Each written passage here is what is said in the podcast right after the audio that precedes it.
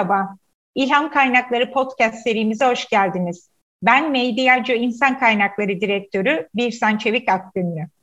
Geçmişin mirasını gelecek nesillere yenileyerek aktarma ilhamıyla yola çıkmış bir organizasyonda çalışıyorum. Geçmişten öğrenmek, geleceği anlamlandırmak ve yeninin heyecanı ile değişimi kucaklamak bizler için çok önemli. Bu podcast serisinde de kendi alanlarında fark yaratan konuklarımla beraber onların hayatlarındaki ilham kaynakları ve geçmişten geleceğe yolculukları hakkında konuşuyoruz. Merhaba, bu haftaki konuğum dijital iletişim danışmanı ve bu alanda öğrendiklerini büyük bir keyifle öğrencilerine aktaran Ercüment Büyükşener. Hoş geldin Ercüment. Hoş bulduk Birsen Hanım. Çok teşekkür ederim. Ercüment ben özellikle Evrim Kur'an'la yaptığımız genç düşsüzlüğüyle ilgili sohbet üzerinden seninle bir araya gelmek istedim. Bunun nedeni de senin 19 yaşında bir gençken bir firma kuruyorsun ve bu firmanın ismine de Hayal Akademisi diyorsun. Hayal Akademisi aradan geçen yaklaşık 20 yıl sürede hem dijital iletişim hem de dijital pazarlama alanında sektörünün önder şirketlerinden, referans noktalarından birisi olmuş durumda. Sanırım hayalleri gerçekleşti. Ee, onu da konuşacağız bu podcast'te. Ama ben o 19 yaşındaki Ercüment'e geri dönmek istiyorum. Tabii Sana ki. bu ilhamı ne verdi ve neden ismi Hayal Akademisi? Ee, öncelikle çok teşekkür ederim. Beni bayağı böyle bir 38 yaşındayım, 19 yıl geriye götürdünüz. Tabii buradaki temel faktör 19 yaşındayken hayal kuracak daha çok vaktiniz oluyor. 30'lu yaşlarınıza geldiğinizde 30-40 arası, 40-50 arası e, hayat sizi bir şekilde ufak ufak hani böyle hem hırpalıyor diyelim hem de farklı e, hayat gayelerinin içine düşüyorsunuz. O yüzden 19 yaşındayken e, çok hayal kuruyordum ama bu hayallerimden bir tanesi de ben ne istiyorum ve bunun üzerinden isteklerimin üzerinden bir hayal kurma süreciydi. Ve o dönemde de en çok istediğim şeyin kendi işimi yapmak, kendi ekip veya iş arkadaşlarımla beraber bir hayalimin ortak noktası haline getirebilmekti. Hayal Akademisi'nin hayalden sonrası akademi kısmını barındıran şey ise öğrenmeye ve öğretmeye devam etmekti. 19 yıl önceki hayalim kendi işimi yapmak ve kendi işimi yaparken hem öğrenmek hem de ekibime, iş arkadaşlarıma bir şeyler öğretebilmekti. O yüzden de akademi tarafı da bunu çok güzel destekledi. Ama herhalde son 12 yıllık e, üniversite hayatım, farklı üniversitelerdeki hocalık diyelim ya da akademisyenlik ünvanı da o akademi kavramını taçlandırdı. Hayal Akademisi'nin Hayal Akademisi'nin o kuruluşundaki en temel faktör de gençlerin e, biraz önce evrime bir not düştünüz. Düş kurma, hayal kurma. Bence bizim hayaldeki en temel problemimiz büyük hayaller kurup küçük adımlar atarak başlayamama. O yüzden e, Hayal Akademisi küçük adımlarla başladı ama bugün 25 kişilik bir ekip uluslararası e, birçok şirkete hizmet veren dediğiniz gibi bir referans noktası haline geldi. Sizlerle bugün bunun üzerine bolca konuşuyor oluruz. Evet, o zamanlar dijital, yani iletişim ve pazarlama tabii ki de önemli bir konuydu ama bu konunun dijital boyutu kesinlikle bugünlerden çok daha farklıydı. Öneminin de yeterince farkında değildik. Seni bu alana odaklandıran ne oldu? Yani bir yerlerden mi duydun, bir yerlerden mi gördün? E, o kısmı da biraz açıklayabilir misin? Bu arada bugün çok e, bu sohbeti yaptığımız e, özel bir gün. Biz 18. seneyi kutluyoruz Hayal Akademisi'nin. Fakat Google bugün 15. yılını kutluyor. Öyle mi? evet, Muhteşemmiş. Türkiye'de Türkiye'de 15. yılını kutluyor. Düşünün Türkiye'de Google yokken evet. dijital iletişim alanını Bravo. konuştuğum Facebook galiba o da 15. ya da 14. yılı şu an tam hatırlamıyorum ama ben Hayal Akademisi'ni kurduğumda Facebook yoktu. Düşünebiliyor musunuz ne kadar garip geliyor? Aslında sanki hep vardılar. Google hep vardı, Facebook hep vardı gibi geliyor bize. Aslında temelde Google'ın, Facebook'un o dönemlerde çıkması, 15-20 senelik geçmişine baktığınızda internet hayatımıza yeni yeni giriyordu. 20 yıllık bir mesele. Gençler yine şaşkınlık içinde dinlerken nasıl yani internet yok muydu e, diyebilir. belki bunun içine doğan 20 yaşında genç biri zaten 8-10'lu yaşlarında internetin içine çıkıyor. Hayal Akademisi'nin dijital alanda, iletişim alanında bir şey yapmasının temelinde de aslında bu merak duygusu. Burada merakın altını çizmek istiyorum. Hayalleri zaten merak tetikliyor. Acaba böyle mi olur? Acaba şöyle mi olur? Benim merak ettiren şey de bir bilgisayarım vardı ve soru şuydu. Bir bilgisayarla bir insan ya da bir şirket ya da bir organizasyon ne yapabilir? Ne, ne kadar büyüyebilir? Ne kadar fazlasını yapabilirdi? E, ve galiba ben bir bilgisayarın ekranının arkasındaki araçları kendime ilham alarak Hayal Akademisi'ni bu alanda dijital iletişim, pazarlama, internet hatta 15 yıl önce dijital pazarlama kelimesi çok şeydi. internet pazarlaması kavramı bile kullanılıyordu. O yüzden e, bana ilham olan şeyin o dönemki araçlar ve bakış açısı olduğunu söyleyebilirim. Bizi bugünlere getiren şey. Peki bireyler var mı bu resmin içinde? Yani yurt dışında olabilir, Türkiye'de olabilir, izinden gittiğin, etkilendiğin. Tabii ki o dönemde o dönemin popüler isimleri de vardı. Hiç popüler olmayan, aslında insanların çok az tanıdığı, belki hiç tanımadığı kişiler de vardı. Bu araçları kullanırken dünyaya yön veren isimlere bakıyorsun. Google'ın kurucusunu yani o dönem Android kelimesini, Google kelimesini hayatımıza sokan insanların işte Larry Page. Diyorsun ki bu insanlar bir garajda doğmuş. Google bir garajda doğmuş. Kim bu insanlar? Ne yapmışlar? İlk yatırımlarını ne zaman almışlar? Sonra e, Microsoft diyorsun, Bill Gates diyorsun. Nasıl olmuş bu diye. Globalde teknoloji şirketlerinin ve en önemlisi de bugün daha çok bacasız fabrika diye anılan Silikon Vadisi'nin liderlerini takip etmeye başladım. Silikon Vadisi'nde neler oluyor? Çünkü Avrupa'da bizim için son 20 senede değişen şey Avrupa'nın sanayi ekonomisini dizayn ettiği, özellikle Almanya'nın dizayn ettiği ve 1800'lü yıllardan bugüne getirdiği ağır sanayi ekonomisini Amerika'da bir eyalet, bu eyaletin içinde Silikon Vadisi diye denilen bir yer ağır sanayinin bacalı o fabrikalarından hı hı. çıkarıyor. Bacasız fabrikalar kurup dünyayı değiştirdiler. Düşünebiliyor musunuz? 1800-2000 yıllar arasındaki ağır sanayi ekonomisi son 20-25 yılda bilgi ekonomisine geçti. Benim son 20 yılım ağır sanayiden bilgi ekonomisine geçişi tetikleyen kişiler oldu. Bunlar da daha çok Silikon Vadisi'nde. Mesela şu an bir kitap okuyorum. Jeff Bezos, Amazon'un kurucusunun hissedarlarına yazdığı mektuplar kitabı. Bu arada kitabın adı aynen böyle. Jeff Bezos'un hissedarlarına yazdığı mektuplar. Türkiye'ye döndüğümde Türkiye'de 20 sene çok kısa bir zaman. Ben biraz daha geriye gitmek istedim. Cumhuriyetin kuruluşundan itibaren kimleri takip edebilirim diye. Tabii ki Atatürk'ü tanıyoruz ama Atatürk'ün yazdığı mektuplar, e, okuduğu kitaplar, bunlar Ankara'da birçok kütüphane, farklı kütüphanelerde ve Atatürk'ün kendi kütüphanesindeki notlar olmak üzere bana en çok ilham veren şeylerden biriydi. Atatürk'ün kendisini kenara koyalım ama davranışları, yaklaşımları, kitap okuma şekli, not alma şekline kadar bana çok ilham veren bir tarafıydı. Ee, sonra biraz daha araştırdığımda Cumhuriyet döneminden bugüne gelen sanayi şirketlerini araştırdığımda benim için yine çok özel bir insan olduğunu inandığım İsa Kalato'nun şahsıyla, e, biyografisiyle karşılaştım. Ve son dönemde de bir kitap kaleme alındı. Lüzumlu Adam ve Lüzumsuz Adam. Benim de hayatımdaki en önemli konulardan biri şuydu. Hep çalışacağım. Evet lüzumlu bir insan olmalıyım.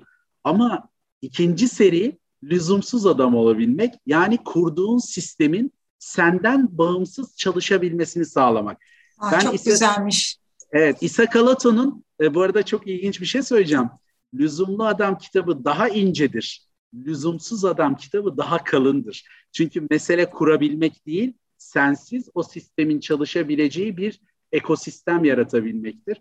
O yüzden Türkiye'den de İsa Kalaton'u Allah rahmet eylesin e, böyle güzel bir şekilde anmak isterim. Bana ilham olan insanları da böyle şekilde, bu şekilde özetleyebilirim. Ben bu kitabı okumamıştım ama sen anlattığında çok etkilendim. Mutlaka edinip okuyacağım. Gerçekten sen gittiğinde devam edebilecek hatta kendisini geliştirebilecek bir sistemi kurmak kişisel olarak, bireysel olarak başardıklarımızdan çok daha zor bir yandan da.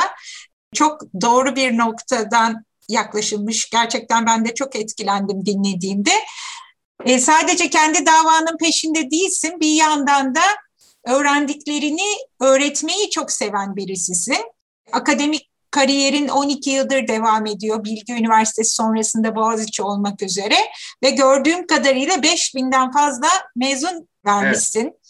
Dijital iletişim ve pazarlama alanındaki derslerinle bu noktada ben seni her zaman gençlere çok yakın bulurum zaten. Bugünün gençleri nelerden ilham alıyor ya da bugünün gençlerinin ilham bariyerleri neler? Ne tür gözlemlerin var? Onları biraz bizimle paylaşabilir misin? Tabii ki aslında bana hep soruyorlar ya bu kadar işinin arasında bir de o haftanın bir günü kalkıyorsun, üniversiteye gidiyorsun ders veriyorsun işte 3 saat, 5 saat hatta lisans ve yüksek lisans derslerimin olduğu günler saat 2'de başlayıp gece 10'da çıkıyordum üniversiteden. Düşünün 8 saat duraksız, 4 ciddi saat emek. lisans çok ciddi. 4 saat lisans, 4 saate yakında yüksek lisans aralarla birlikte 3-3,5 saatlik tam zamanlı bir ders. Şimdi buna baktığımda hep şunu söyledim. Bir kere akademisyenlik sadece ticareten yapılacak bir şey değil. O yüzden business kelimesinden farklı akademiya diye bir dünya var. Ben üniversitede birincisi zamanın ruhunu yakaladığıma inandım ve biraz önce bahsettiğim isimlerin de zamanın ruhunu yakalayanlar yakalayan insanlar olduğuna inandım. Çünkü hem zamanı doğru okuyabilmek hem de o zamanın içinde öğrenmek ve öğretebilmek gerekiyor. Sadece bilmek değil. Mesela bence bugünkü gençlerle o, o derslere girmemin, akademik dünyada olmamın temel konusu bilen ve bilmeyen değil, e, birlikte öğrenen ve birlikte öğreten bir e, noktaya gelmekti. O son 12 yılım üniversitede aslında bana zamanın ruhunu öğreten ve benim de zaman içinde bildiklerimi onlara öğrettiğim. böyle bunu çok kıymetli buluyorum. Çünkü 100-150 kişilik bir sınıfa giriyorum. 100 kişilik bir sınıfta oradaki dinamizmi, oradaki yaklaşımı, oradaki havayı soluyorsunuz. 20'li yaşlarında 100 tane gencin ne düşündüğünü, ne hissettiğini, neye e, neyden etkilendiğini anlamaya başlıyorsunuz. Bu bana inanılmaz şeyler öğretiyor ve in, zamanın ruhunu yakalamamı sağlıyordu. Öbür tarafa döndüğümde de bilginin zekatı diye bir şey olduğuna inanıyorum ben. Yani öğrendiklerin zaman içinde seni sen yapan şeylerin yeni nesile de aktarılması gerekiyor. E çünkü 7 yaşında bir oğlum var. E şuna hı hı. inanıyorum. Ben eğer o zekatı, o bildiklerimi bu genç arkadaşlara anlatabilirsem benim 7 yaşındaki oğlum 20'li yaşlarına geldiğinde o abileri ve ablalarının öğrendikleriyle aslında bu hayatta birlikte olacağı insanları tercih edecek ya da onlar oğlumu tercih edecek. O yüzden dünyaya küçük bir katkı bırakmak, zamanın ruhunu yakalamak ve en önemlisi de o zamanın ruhuna kendi tecrübelerimi aktarabilmek için diyebilirim. Şimdi tam da bizim medyacı olarak geçmişin mirasını yenileyerek gelecek nesillere aktarma misyonumuza dokundu. O, o misyonu anlatan nefis bir örnek verdin. Çok teşekkür ediyorum. Peki bu gençlerin şu anda e, bugünlerde nelerden ilham aldığını ya da ilham bariyerlerinin neler olduğunu düşünüyorsun? Tam o sınıfa girdiğinizde e, havayı koklamak dedim ya, sanki sınıf ikiye bölünmüş gibi oluyor ya da konuştuğum gençler bir kısmı sadece kazanmayı konuşuyor, bir kısmı ise sadece kaybetmiş olmayı veya kaybettiklerini konuşuyor. Acaba mesele kazanmak ve kaybetmek mi ya bunun bir ortası yok mu bunun bir gri alanı yok mu diye öğrencilerimle dengeyi konuşmaya başlıyoruz.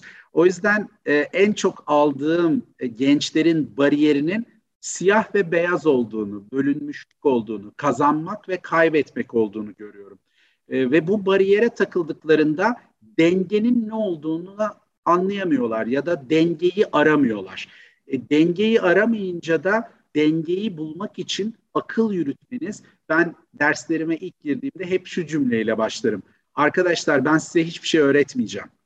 Hayda sınıfa bir hoca geldi size hiçbir şey öğretmeyeceğim diyor. E, peki hocam ne, ne, ne konuşacağız 14 hafta derler. Arkadaşlar muhakeme, müzakere ve ilham kaynaklarını konuşacağız. Çünkü dengeyi bulabilmeniz için ilham almanız, aldığınız ilhamı muhakeme etmeniz yani akıl yürütmeniz, akıl yürüttüğünüz şeyden de müzakere yani konuşabilmek, tartışabilmeyi getirmeniz gerekiyor. Ama bu tartışmanın da şu notunu düşeyim. İlham alıp akıl yürüttüğünüz şeyi sadece karşı taraflı değil, kendinizle de müzakere ettiğinizde dengeyi buluyorsunuz. Çünkü kaybeden ya da kazanan değil, dengeli bir hayatın sonuçlarını yaşamayı müzakere etmiş oluyorsunuz. İnsanın en temel bariyeri kendiyle müzakere edebilme yeteneği. Katılıyorum. Tam da ilk podcastimizde bir psikolog ağırladık İpek Hanım. İlham alabilmenin koşullarından birinin insanın arayış içinde olması olduğundan bahsetmişti. Aslında bir yandan da insanın kendisiyle bir sorgulama ve müzakere içinde olması, olması da benzeri bir arayışa dokunuyor. Bize kendi hayatından bununla ilgili bir örnek verebilir misin? Yani denge çok önemli bir kavram. Kesinlikle sana katılıyorum ama bir soyut bir kavram. Onu biraz dinleyicilerimiz için somutlaştırabilir miyiz? Tabii ki hatta şimdi 38 yaşındaki dengeyle konuşursam bu iş olmaz. Yani işte ahkam kesiyor der dinleyen genç arkadaşlar. Ee, ben sizi 19-20'li yaşlarındaki Ercüment'e götüreyim. 20'li yaşlarımda tabii sadece Hayal Akademisi yoktu. Hayal Akademisi'nin dışında başka bir hayatım da olması gerektiğini düşünüyordum. Beni heyecanlandıran buna girişimcilik diyebiliriz bugünkü kelimesiyle. Ve ben bir internet girişiminde bulundum 20-21 yaşlarımda. Çünkü kendi şirketimi kurmak güzel, kendi hayal, hayalimi gerçekleştirmek güzel ama bir de bir işe imza atmak, bir projeye imza atmak istiyordum. Ve bir teknoloji şirketi için marka tüketicilerini, markayı bir araya getiren bir topluluk kurdum. Yani bir ürünü kullanan kişinin farklı farklı kişilerle bir araya gelebildiği o markanın etrafında buluşmuş 20 bine yakın insandan bahsediyorum. Ben bu 20 bine yakın insanı bir araya getirdiğimde e tabi ne yaparsınız? 20'li yaşlarındasınız, heyecanlısınız. Pazarlama, internet, iletişim diyorsunuz. Markaya gidersiniz. Dersiniz ki bak ben burada 20 bin tane senin ürününü, markanı kullanan insan bir araya getirmişim. Hadi gelin buna destek olun. Ne yazık ki hiçbir destek göremedim. Sonra sinirleniyorsunuz, gençsiniz. Hani böyle inanılmaz bir ateş var. Hani neden kabul etmediler, beni neden dinlemediler? İşte orada devreye kazanmak ve kaybetmek giriyor. İyi de ben onlar için ben onlar için harika bir şey yaptım. Beni anlamadılar. Bu arada Türkiye'de şu anda gençlerin yüzde doksanının şeyi bu. Altını 50 kere çizeriz. Beni anlamıyorlar. Ben de bundan geçtim. Yani ben de böyle harika anlaşılan bir hayatın içine doğmadım. Ben de bunu dedim. Beni anlamıyorlar. 20 bin tane bir markanın tüketicisini bir araya getirmişim. Facebook yok, Google yok. Hani bugün markalar pazarlama için hı. Facebook'ta insanları bir araya getirmeye çalışıyor. Ben bunu onlara anlattığımdaki bu tavır sebebiyle acaba kızıp gemileri yakıp daha başka bir pozisyon mu yaratmalıydım? Yoksa kaybettim deyip beni artık dinlemiyorlar. Ben bu kulübü, bu community topluluğu kapatayım mı diyebilirdim. Sonra düşündüm. Bu markanın beni anlamayan kişisi pazarlamadan sorumlu bir yöneticisiydi. Peki onun üstü yok muydu? Vardı. Ee, bu teknoloji şirketi dünya markasıydı ve bunun Avrupa'da da bir yöneticisi vardı. O zaman dengeyi Türkiye'deki yöneticiyle sağlayamıyorsam kazanmak ve kaybetmek zorunda değilim ama kendimi anlatmak zorundayım. Muhakeme ve müzakereden kastım buydu ve Avrupa'ya durumu yazıp Avrupa'dan aldığım cevapla dengeyi sağladım ve bu teknoloji şirketi benim kurduğum bu platformu satın aldı. 23 ülkeye örnek gösterdi ve sonrasında ben Avrupa'daki hizmetimle diğer ülkelere danışmanlık yapmaya başladım ve şunu gördüm. Eğer ben beni anlamayan ilk ya da ikinci ya da ilk kurumda kaybettim ya da kazanmak için daha hırslı olmalıyım deseydim o dengeyi, o müzakereyi kendimle yapamayacaktım. O yüzden kendi hayatımda da daha dengeli, hiçbir kapıyı çarpmadan çıkabilmeyi e, ve en önemlisi de insan ilişkilerimi en üst seviyede tutmayı öğrendim diyebilirim. Çünkü para çok şeyi satın alabilir ama ilişkileri satın alması bence çok zor. Kesinlikle katılıyorum sana. Şunu merak ettim, Türkiye'deki seni anlamayan pazarlama müdürünün nasıl konumlandırdın bunun içinde ilişkileri yönetirken? Şöyle, ben kendimi anlattığım kişiye maillerim vardı ve şunu Avrupa'ya o e-maili atarken bunu İngilizceye çevirerek şunu söyledim. Türkiye'deki yöneticiler beni anlamamış olabilirler. Kendilerine sizin için bunun bir değeri varsa bunu anlatmanızı rica ediyorum. Yani kötülemek yok, onu kırmak yok ama e, önemli olan tetikleyebilmek. Bence strateji de buradan geçiyor. Doğru taşı doğru yere koyduğunuzdaki satranç bence hakikaten işte bu yüzden çok kritik bir oyun. Doğru insanları tetikleyebildiğiniz zaman oyunu ve ekosistemi daha hareketli, daha size fayda sağlayan bir noktaya getiriyorsunuz. Ama bunun için bir şeye ihtiyacınız var. Sosyal bir sermayeniz olması gerekiyor. Daha fazla insana dokunabilmek, size o e-mailleri atmanızı sağlayacak tanıdıkları bulabilmek ve o tanıdıklar üzerinden de Türkiye'deki yöneticiyi ikna edebilmeniz. Benim öğrencilerime meşhur bir lafım vardır. Şikayet ediyorlar diyelim. Arkadaşlar şikayet etmeyin, ikna edin. Asıl sorun herkes şikayet edebilir ama herkes ikna edemez. İkna etmenin de bir sürü farklı yolu vardır. Ee, o iknanın arkasında da ben sosyal bir sermaye ve yatırım olduğunu düşünüyorum. O da ilişkilerden geçiyor. Kesinlikle katılıyorum sana. Sosyal sermaye son dönemde e, gerçekten altı çizilen önemli kavramlardan birin haline geldi. İşte eskiden networking deniyordu ama networking çok daha nasıl diyeyim biraz alışveriş kavramına doğru kaymasıyla beraber sosyal sermaye kavramını çok daha fazla duyar olduk. Bu alanda ben de okuyorum, araştırıyorum ve İnsiyat'ın bir araştırmasında denk geldim. Araştırmada bir örneklem grubu seçiliyor ve kişilerin başarılarındaki birkaç faktöre bakılıyor.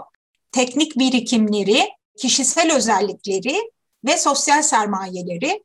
Sosyal sermayenin inanılmaz bir şekilde diğer iki alandan daha fazla kişinin başarısına etkisi olduğundan bahsediliyor. Sen de ilişkilerin altını çizdin. Bununla ilgili gençlere tavsiyelerin olur mu? Yani şimdi böyle networking denince hemen kapı kapı dolaşmak, herkese bir kendini anlatmak gibi algılar doğuyor ve e, hepimizin de farklı tarzları var. Tanımadığımız kişilerle iletişim kurmak konusunda her birimiz çok da rahat hissetmeyebiliyoruz. Bir satranç oyunu gibi yaklaşırsan sosyal sermaye biriktirmeye nasıl bir strateji önerirsin? Buradaki en büyük strateji zamanı kaldıraç olarak kullanmaları. Çünkü zaman çok hızlı akıyor bir Hanım ve zamanın yani 10 yıl sonra o sosyal sermayeyi biriktirmek istediğinizde ne kadar paranız olursa olsun o sermayeyi biriktirmemiş oluyorsunuz. Sadece para biriktirmiş oluyorsunuz. O yüzden de insanların çok genç yaşından itibaren sosyal sermayeye yatırım yapacak bir zaman yönetimine ihtiyacı olduğunu düşünüyorum. Ve o zamanın içine yayılmış tanışıklıklar, ilişkiler, sohbetler, hatırlanmalar, hatıralar. Böyle business dili değil değil mi? Yani iş hayatı gibi gelmiyor. Hatıranın hatıranın iş hayatında ne yeri olur ki ama hatıralar birçok şeyin kapısını açabiliyor. Ben hatıralar ve hatırlar biriktirmeye çalıştım ve bu hatırlar bana hep kapılar açtı.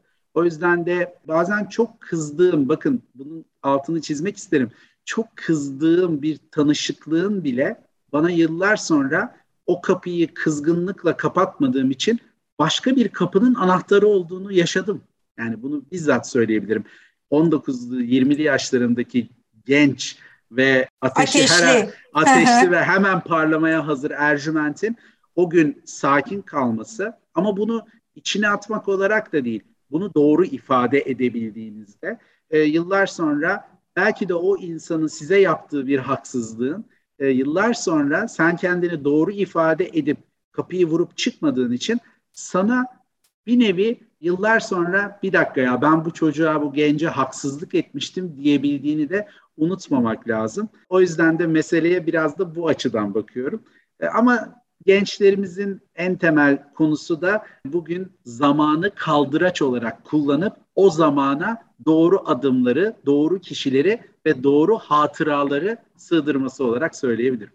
Kesinlikle tam da senin denge kavramına oturdu e, anlatış şeklin. Yani orada mevzu bir ilişkiyi kazanmak ya da bir ilişkiyi kaybetmekten çok dengeli bir yaklaşım sergilemek ve yine sosyal sermaye biriktirirken önerilen e, noktalardan birisi ihtiyacınız yokken bunu biriktirin. İhtiyacınız varken bunu biriktirmeye başladığınız zaman kişiler bana işi düştüğü için bu ilişkiyi kurmak istiyor diye düşünüyor ve daha temkinli yaklaşıyor. O yüzden zamanı kaldıraç olarak kullanarak ihtiyaç yokken de ilişkilere yatırım yapmak gerçekten ileride birçok kapıyı açabiliyor.